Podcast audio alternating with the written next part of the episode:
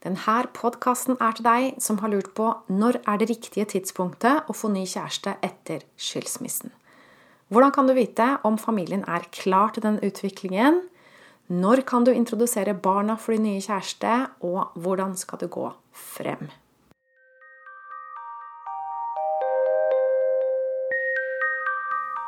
Jeg heter Line Strandvik. Jeg jobber som personlig veileder, hvor jeg hjelper deg tilbake til sannhet, hvor livet er ekte og meningsfullt. Hvis du virkelig lurer på det, om når det rette tidspunktet er som du kan få en ny kjæreste, så er det kanskje fordi du har en dårlig følelse med at det kan skape reaksjoner i din eks, og aller verst i dine barn. Kanskje er du redd for å miste barna, eller at det blir et dårlig forhold mellom deg og barna. Så du skulle gjerne visst hvordan du kan få barna med på at det her er en god idé. Og det vil jeg svare på. Det første er at tiden har ingenting med saken å gjøre. Det er ikke sånn at det er etter seks måneder eller ett år eller sånt, så er det bare å kjøre på, ikke noe problemer. Det har ingenting med saken å gjøre. Noen flytter rett fra den ene til den andre uten store problemer. Og andre venter i tålmodighet men så går det galt allikevel.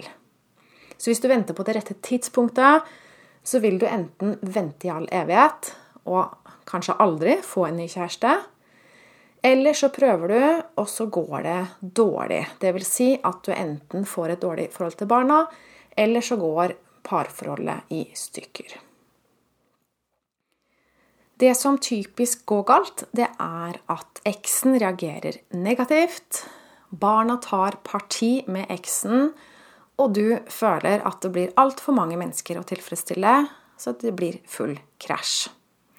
Så mange venter derfor og utsetter det med å få ny kjæreste. Men jeg tror ikke det er en god idé. Jeg har skrevet en bok som heter 'Ti trinn til en lykkelig skilsmisse'. Og trinn ni, den heter faktisk 'Gå inn i et nytt forhold'. Og her gir jeg tre grunner til at jeg mener det er riktig å gå inn i et nytt forhold, ikke utsette det. For det første så er det fantastisk å elske og bli elska. Så det er ikke noe du skal utsette, det er noe du også skal ha i ditt liv. For det andre, hverdagen med barn er enklere når dere er to voksne. Det er ganske innløsende, ikke sant? Det er ikke så lett å være alene. Mye bedre. Du kan senke skuldrene, og ja, man kan samarbeide. For det tredje så får barna dine en ekstra ressurs og en rollemodell inn i sitt liv. For jeg regner med at du velger en kjæreste som du liker, som du syns er bra, og da er det også en god innvirkning på barna dine. Så det er all grunn til å lære hvordan man får dette til å funke.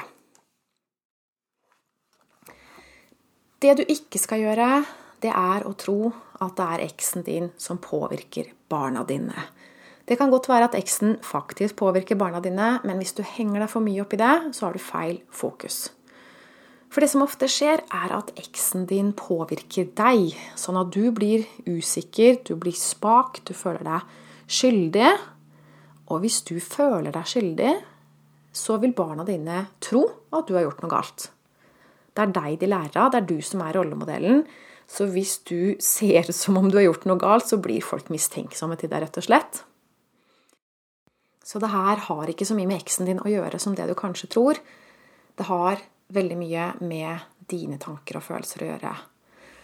Hvis du står støtt i den avgjørelsen og er trygg på det du gjør, så vil barna dine bli trygge. Og det går greit, selv om eksen din er uenig med deg og ikke vil du skal få ny kjæreste, flytte sammen med ny kjæreste, som ikke vil at barna dine skal forholde seg til din kjæreste, eller kanskje din kjærestes barn. Det kan være mange ting som spiller inn her. Men det kan gå bra allikevel. Du trenger ikke å få eksen din med på laget. Men du må få deg selv med på laget fullt og helt, for du skal være en leder i det her. Hvis du blir spak, så vil Jeg skal ikke si du vil miste barna, men det vil glippe litt. Så du gjør det her ved å styrke deg selv fra innsiden.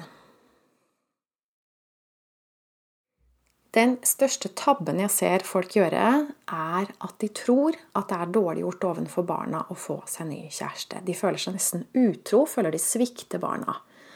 Men hvis du har den innstillinga, så blir det gjerne en selvoppfyllende profeti. Det er to ubalanser jeg ser. Det ene er at man smisker med barna, skjemmer dem bort, gir dem ekstra gaver, tar dem med på reiser og prøver å smøre dem litt for å få dem med på det her. Men hvis du gjør det, så lyser det lang vei at du føler deg skyldig. Og da vil barna de, de, vil reagere overfor deg, med, ikke med det du sier, men med det signalet du ubevisst sender ut. Så de vil bli skeptiske til deg. Du bygger ikke opp en ekte relasjon, eh, du kjøper dem. Og det er ikke riktig måte å gjøre det på. Den andre ubalansen er at du syns det her er så vanskelig, at du er redd for hvordan barna dine skal reagere, så du ubevisst trekker deg litt vekk fra dem. Kanskje overser dem litt, er litt konfliktsky, tør ikke å ta opp de vanskelige samtalene. Og kanskje til og med gir opp til slutt hvis du får mye motstand. Så altså, du trekker deg vekk fra barna. Så for å lykkes så er det første du må gjøre, er å føle deg berettiga til å få en ny kjæreste. Det er lettere sagt enn gjort. Jeg skal fortelle litt om hvordan jeg foreslår at du gjør det. Men først har jeg en liten sammenligning jeg vil du skal tenke over. Det å få et nytt familiemedlem inn, det kan være vanskelig. Til og med hvis det er en ny baby som blir født inn i familien, et nytt biologisk familiemedlem. Det kan også gi sjalusi blant søsken. Men vi løser jo ikke problemet ved å adoptere bort barnet. Det gjør vi bare ikke. Vi løser det på annet vis, bl.a. ved å sørge for at det eldste barnet får nok oppmerksomhet å snakke med, og sånn så alle føler seg sett og ivaretatt. Det er ikke så vanskelig. Og det er akkurat det samme du skal gjøre hvis du får en ny kjæreste, eller kanskje denne kjæresten har nye barn som dine barn skal forholde seg til. Det er på samme måte. Det er å forvente at sånn er det. Det må dere takle.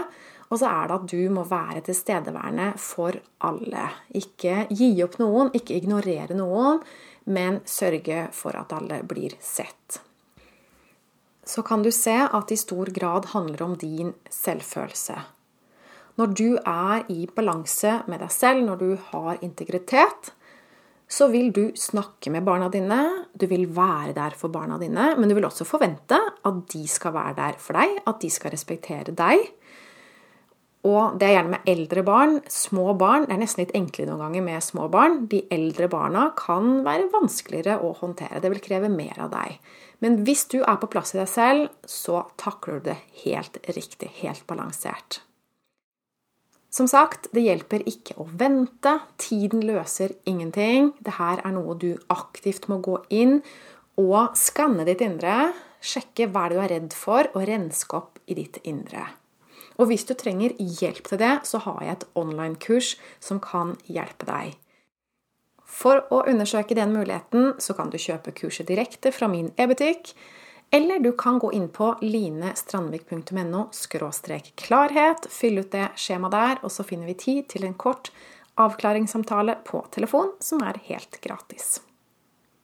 Jeg har jobba med skilsmisser i mange år, og jeg vet at du kan bli lykkelig skilt og få trygge og glade barn bare du er villig til å vokse på utfordringen. Takk for at du hørte på. Ha en riktig fin dag. Ha det godt.